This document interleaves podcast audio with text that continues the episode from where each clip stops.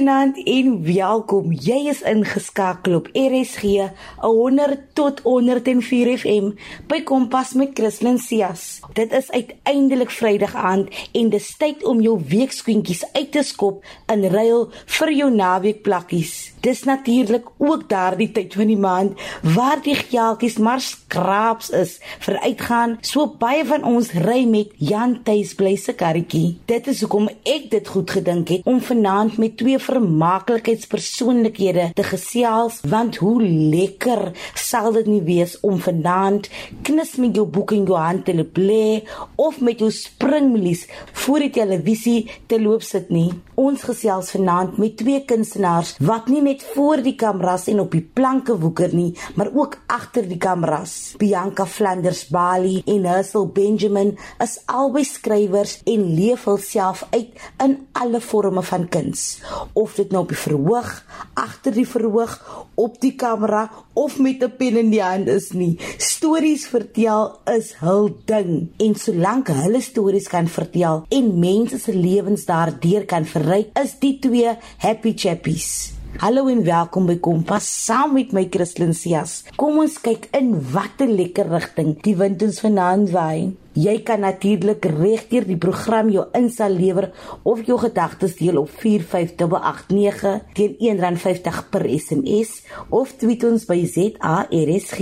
Jy kan ons ook vind op DStv se audiokanaal 813. Bianca Flanders Bali is 'n bekwame aktrise wat in bekroonde produksies soos Distrik 6, Die Kabi Ninja en vele meer verskyn het. Bianca's ook die skrywer van die Prinses Pampoen reeks. Vertel ons 'n bietjie meer oor wie Bianca is en waar haar wortels begrawe is. Ek is 'n akteur, regisseur, skrywer en stemkunstenaar. Uh ek woon in die Kaap saam met my man, Dean Bali en my katjie, Mishi Petronella. Uh en ek het in die East, ek was in die Eastern Cape gebore, maar ek het in die Kaap groot geword. Ja, ek het baie my my familie is amazing. Ons is baie close en my ouers en my ouma en my sussie en my neggies en neefies en aunties en onkels um het 'n baie groot rol in my lewe gespeel. Uh, they've always been incredibly supportive of my career, um, and they will always say that they are my number one fans. Hoe is Prinses Pampoenpit gebore? Ek hou baie van lees. Ek is soos die grootste boekoom. En vir my was dit altyd 'n groot droom om iets te skryf en ek het gedink, okay, miskien moet ek begin met 'n kinderboek want ek het gedink dit sal 'n bietjie makliker wees, maar dit dit dit is nie. Ehm um, en ek wou regtig die boek skryf wat ek nie as kind gehad het nie. You know, I think representation is very important and I remember when I was younger, um none of the characters that I was reading about looked like me. En ek dink dit is baie belangrik dat dat almal hulle self sien in die flieks wat ons kyk, in die boeke wat ons lees en die musiek waar oor ons luister. Um yeah, and that was important to me in my book. So Princess Pampoenpit is inspired by um me and other little girls who look like me of enige ander kind wat anders voel. Het jy altyd geweet jy wil 'n boek skryf of was dit een van daai dinge wat 'n natuurlike uitvloeisel van omstandighede was? Ek het altyd geweet ek wil 'n boek skryf. Dit was 'n groot droom vir my, maar ek het net nie geweet nie wanneer ek sal dit doen. Um want dit vat tyd and I had some time off and I thought you know why not why not use this time? Why not really try to to write Princess Pampoenpit. Well, um, at the time I didn't know I was going to call it Princess Pampoenpit, but you know, why not use this time? Why not try now? Bianca, jy is so 'n inspirasionele mens, maar waar het put jy inspirasie? Ooh, um that's tricky. Where to begin? Where do I start? Ek dink vir my een van my grootste inspirasies is definitief uh kuns en ander kunstenaars, so mense soos Jill Liebenberg, Ephraim Gordon, Amy Jafta, Leanne Van Roy, Basil Apollos, um, David Kramer. The list is it's endless, actually. Um, I find other artists incredibly inspirational. En een van my gunstelinge ding om te doen is om ander mense se werk te sien en te kyk en te praat daaroor. I find it deeply inspiring. Um vir my is lees ook inspirational. Uh, ek lees baie verskillende boeke. Um and just entering that world always leaves me with different ideas and uh, learning new things. Um, musiek is ook baie belangrik vir my en en my gemeenskap. Vir my is dit baie belangrik om 'n difference te maak in my gemeenskap. So um, if I can do that in my work, if I can improve my community or make a difference to somebody else's life, then that's important to me. And I don't know if it's so much inspirational, but it's certainly a very large driving force um, behind why I do what I want to do. Hoorie, jy sing en act ook. Wanneer presies het die vermaak gogga gebyt? Ooh, daai bucket gebyt toe ek nog klein was. Ek onthou my eerste rol was uh, by die Baxter Theater. Ek was 4 jaar oud en ek het die rol van uh, Sleeping Beauty gespeel. Uh my arme ouers, so I would give them concerts at night when they came home from work. So they would have had a long day at work. Maar ek wil nou staan en sing and act. So they just have to sit on the couch while I did a good 20 minute concert. So dit begin toe ek nog baie klein was. Waarmee is jy alles tans besig? Op die oomblik is ek besig met skryfwerk. Ek het 'n wonderlike geleentheid gekry, so ek is nogal baie excited daaroor. En dan volgende maand is ek weer by die Artscape met Kretoe effe van die Kaap. Ja, uh, ons het ons run verlede jaar begin, maar toe kry meeste van die cast including myself COVID. So we had to put a very big pause button in that. Uh, but we'll be back in February at the Artscape for our last week of the run. So that should be pretty exciting. Ons staan in die begin van 2022. Wat is jou motto vir die jaar? Um, vir my is dit meer 'n woord as 'n motto. And I think that word is present. you know, as a freelancer, so often you are stressing about the work that you're doing, or you're juggling multiple projects, um, or you're thinking about work that you have coming up, or you may be thinking about work that you don't have. Um, so dis nogal moeilik om om te onthou om present te wees. So vir my is dit een ding that I really kind of want to focus on, and that's just to be present and to take each moment as it comes. Because I think if the last years have taught us anything, it's that ugh, we just we just really have no idea what's around the corner. Nou ja, toe soos Bianca so pas gesê het, wees teenwoordig. Dit is tyd vir 'n vinnige breek. Ons gesels net hierna met die veelsidige Hustle Benjamin. Jy luister na Kompas op RSG. Vertel my 'n bietjie oor wat jou motto vir 2022 is. Stuur daar 'n lekker SMS na 45889 of tweet ons by ZARSG. Onthou 'n SMS kos R1.50 elk. Vind ons ook op OpenView kanaal 615. Hallo, goeienaand en baie welkom hier by Kompas op 'n Vrydag aand. Vat ons 'n bietjie op Hustle Benjamin se lewensreis. Hallo Christlyn, Ek is Herschel Benjamin en ek is op die oomblik 26 jaar oud. Skus. amper sê ek 25 jaar oud want ek het mos ek verjaar in Desember maand so dit vat altyd vir my 'n maand of 2 om gewoon te raak in die nuwe ouderdom. Maar ja, ek is 26 jaar oud. Ek is gebore in Piketberg en ek het hier skool gegaan. En na hoërskool is ek toe Stellenbosch toe en ek het Stellenbosch toe gegaan aanvanklik vir regte um LLB en in my eerste week van LLB het ek besef dat dit is nie vir my nie en toe het ek oorgeskuif na um drama en teater studies toe. Ek het toe dit voltooi en daarna het ek my honeursgraad gedoen maar terwyl ek gestudeer het het ek ook ehm um, verskillende ander werk gedoen. Ek het meer begin skryf ek het toe begin werk as 'n bemarkingsassistent. Ek en my vriend ehm um, Jeremy Lecordier ons het ons eie soort van media produksie maatskappy gehad waaronder ons geskryf het ehm um, Vulture Productions. Ek het by die Woordfees gewerk. Ek het toe later aan begin as 'n resent ehm um, skryf en toe het ek ehm um, bietjie in journalistiek gegaan.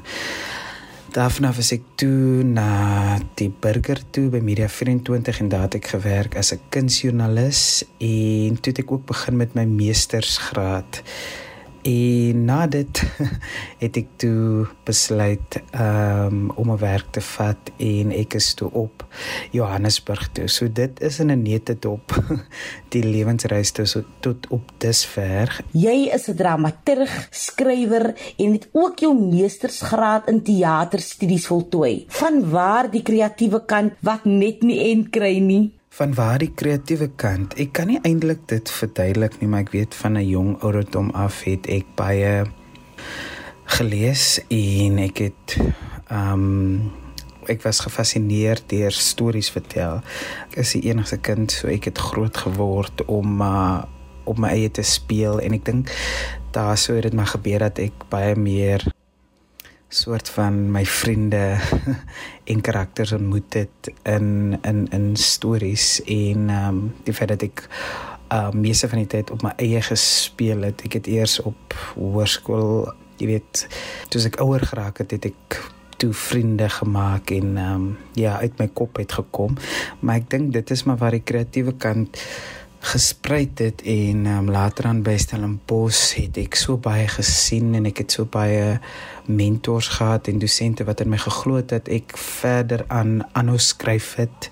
Ehm um, en ek ek wil baie graag teater maak en ehm um, ek was baie baie gefassineer met met ehm um, teaterstukke en teater in Suid-Afrika, teater oor die algemeen en dit het vir my dit het toe dit het toe my passie geword en ek dink as dit nie vir daai eerste week van die LLB gewees het nie sou ek nooit besef het dat ek eintlik my passie moet volg nie en dit volhard in dit nie.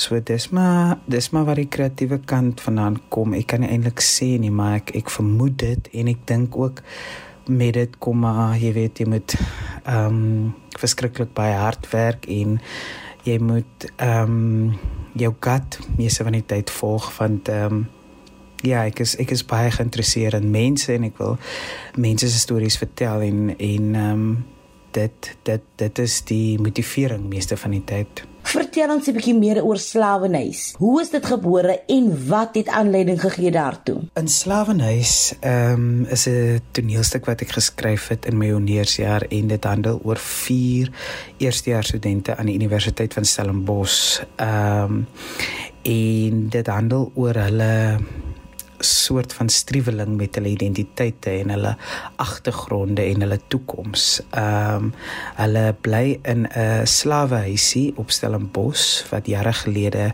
ehm um, waar jare gelede slawe ingebly het en hier in die hedendaagse tyd is dit nou hulle woonstel. So die toneelstuk het gegaan oor al die kwessies en die temas waardeur hulle gaan, jy byvoorbeeld met hulle akademie, byvoorbeeld ook met manlikheid, met hulle met hulle identiteite as 'n kollektief maar ook hulle individuele persoonlikhede. Um en dit is gebore in my koseskamer op Stellenbosch. Dit het 'n uh, hele naweek gevat om te skryf en um daai daai stadium toe ek in my eersjaar is, het ek al, jy weet, was my 4de jaar op Stellenbosch, so ek het al baie gesien en ek het al baie deur geleef en ek was baie bemoei, baie bemoei met um sekere goed ehm um, wat dit moeilik maak vir al vir studente van kleer om om 'n suksesvolle studente loopbaan te te volhard en om uit te hou.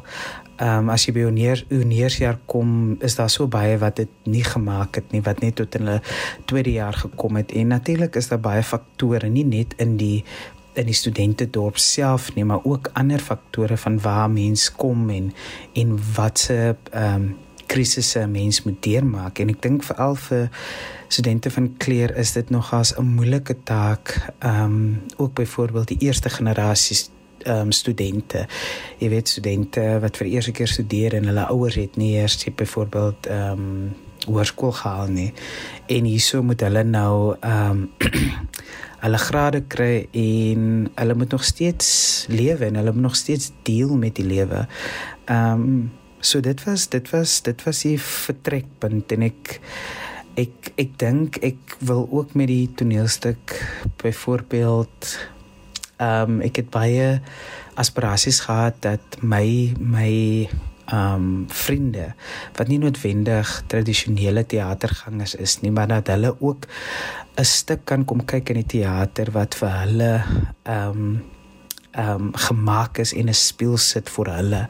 Ehm um, ons is in die era van ehm um, representation en ek dink daai was my baie belangrik want op daai punt wou ek uh, 'n uh, loopbaan bou in die teaterwêreld en ek wil stories gemaak het van my mense sodat hulle dit kan kom kyk. Ehm um, so ja, dit is waarvanaf vanaf ehm um, die storie en die stuk van in slawenis 39 kom. Wou jy altyd deel wees van die vermaaklikheidswêreld of het jy ander drome as kind gekoester? Het ek ander drome gehad? Ek is nie so seker dat ek ehm um, baie baie ander drome gehad het. Ek ek weet wel dat ek op 'n stadium soort van gedink het toe ek nog graad 3 was dat ek 'n argitek wil wees en ek wil kerke bou. ek het um, in my graad 3 jaar het ek elke uh, uh, jy weet tyd wanneer ek wanneer ons moes teken of so het ek kerke geteken en ehm um, toe ek gedink dit is wat ek eendag wil doen as ek groot is. Ehm um, natuurlik het dit toe nou nie waar geword nie.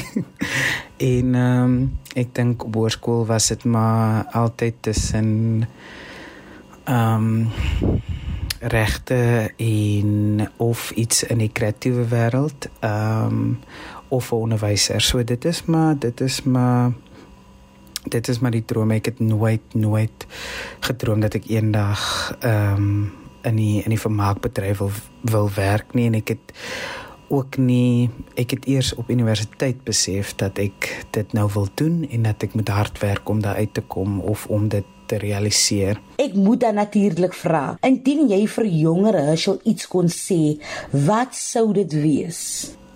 Ek dink ek sou vir hom sê dat ehm um, hy moet gemaklik raak met met foute en ehm um, en dat hy nie so hard op homself moet wees nie.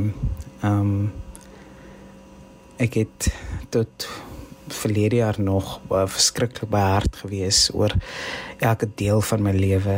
Ehm um, dit sê dit my loopbaan is, my skryfwerk, my my professionele werk. Ehm um, ek was baie hard op myself om om jy weet die beste te wees en altyd die beste te gee en altyd ehm um, jy weet jou 200% te gee en om die kers aan albei kante te brand en ehm um, ek het ehm um, oor die jare nog as 'n paar keer uitgebrand en ek dink ek sou vir jongere sou sê dat hy nie daai ongelooflike druk heeltyd op homself sit nie. Ehm um, ja, dit kan goed wees, maar dit dit kan ook baie sleg wees in die langtermyn. En ehm um, ek dink hy moet sagter wees op homself en met elke les ehm um, moet hy jy weet dit neem in in in hy moet dit onthou vir die volgende krisis of die volgende berg wat voor hom lê uitsa en indien daar enige iemand wat vanaand ingeskakel is wat dink dat hul drome te groot is, watter stof tot nadenke wil jy hulle met los? Enige advies vir enige iemand oor hulle drome? Ehm um, ek sal sê die die Amerikaanse akteur Sidney Poitier wat onlangs afgesterf het, het ehm um, gesê dat as jou drome nie groot genoeg is nie, as jy drome nie skies, as jy drome nie jou nie bang maak nie, dan is jou drome nie groot groot genoeg nie. Um en met sy afsterwe, um hy was die eerste man, eerste swart man um wat 'n Oscar gewen het in Amerika in Hollywood en um die feit dat hy dit gesê het um in in waarvan hy kom wat dit so baie vir my beteken. So ek sou vir ander jong mense daar buite graag wil bemoedig met met daai um quote van hom aanhaling om te sê dat as jou drome jou nie bang maak nie, is hulle nie groot genoeg nie. En en dit is veronderstel om jou bang te maak en dit is veronderstel om jou uit te daag en dit is veronderstel om vir jou aan te moedig. Um en en moenie ingee vir vrees nie. Um gaan gaan in die donker in en en en gaan gaan met met alles wat jy het en alles wat jy is en wees trots op dit. Um op 'n einde van die dag dit maak nie saak wie se paadjie um kom eerste by die toppunt van die berg nie. Um dit gaan ook oor 'n lewe wat vol ervarings en uitdagings en oorwinnings is. So ja, ek sal sê laat jou drome jou bang maak. Um en en volhard in hulle en glo in hulle. Um dit gaan nie altyd maklik wees nie, maar jy moet jy moet weet dat jy het die vermoë om dit te bereik ongeag wie sê wat en wie doen wat. Jy kan daar uitkom. En ek dink dis nogals dis nogals ehm um, tydig vir die nuwe jaar ook. Ek weet julle voel ook nou presies soos ek voel en kan nie glo dat dit die einde van vanaand se program is nie. Dit was lekker om vanaand weer eens op julle draadlose te kuier. Wat ek vanaand geleer het is dat 'n mens drome kan koester, maar wanneer jy nie planne in werking sit om daardie drome te bereik nie, is dit te vergeefs. Indien jy enige van ons programme gemis het of selfs net weer daarna wil gaan luister, kan jy dit altyd aflaai op www www.rsg.co.za. Klik net op die potgooi skakel en soek onder K vir Kompas. Kompas word aan jou gebring deur SABC Opvoedkunde. Jy kan enige vrae of voorstelle na my stuur by die e-posadres christlincias1@gmail.com. Wees die naweek lekker met ander mense. Van my Christlin en die span hier by Kompas, 'n veilige en feestelike naweek.